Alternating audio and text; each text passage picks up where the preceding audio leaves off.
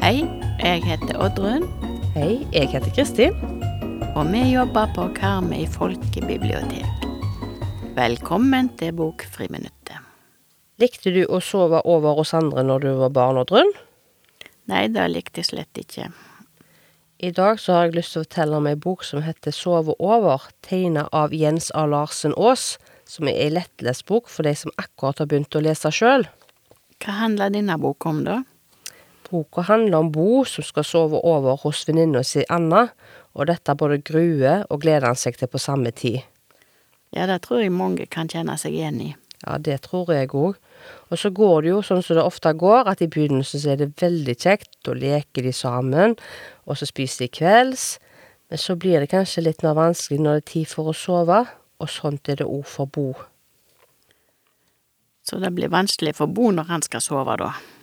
Ja, jeg kan avsløre at når det er tid for å sove, så sovner Anna først, mens Bo blir liggende og våken og ikke får sove. Hva gjør Bo da? Ringer han hjem og sier at de må hente han, eller? Nei, nå skal jeg ikke røpe alt hva som skjer i boka, men jeg kan avsløre at Bo lærer seg et godt triks som kan være med på å hjelpe når en ikke får sove. Kan du fortelle hva dette trikset er, da? Nei, jeg syns du skal lese boka sjøl, jeg, og se hva som skjer videre med Bo.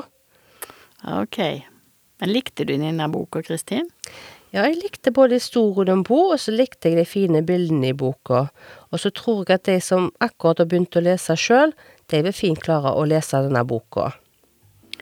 Og hvis du som hører på, også har lyst til å finne ut hva som skjedde da Bo skulle sove over hos Anna, kan du låne boka på Karmøy folkebibliotek.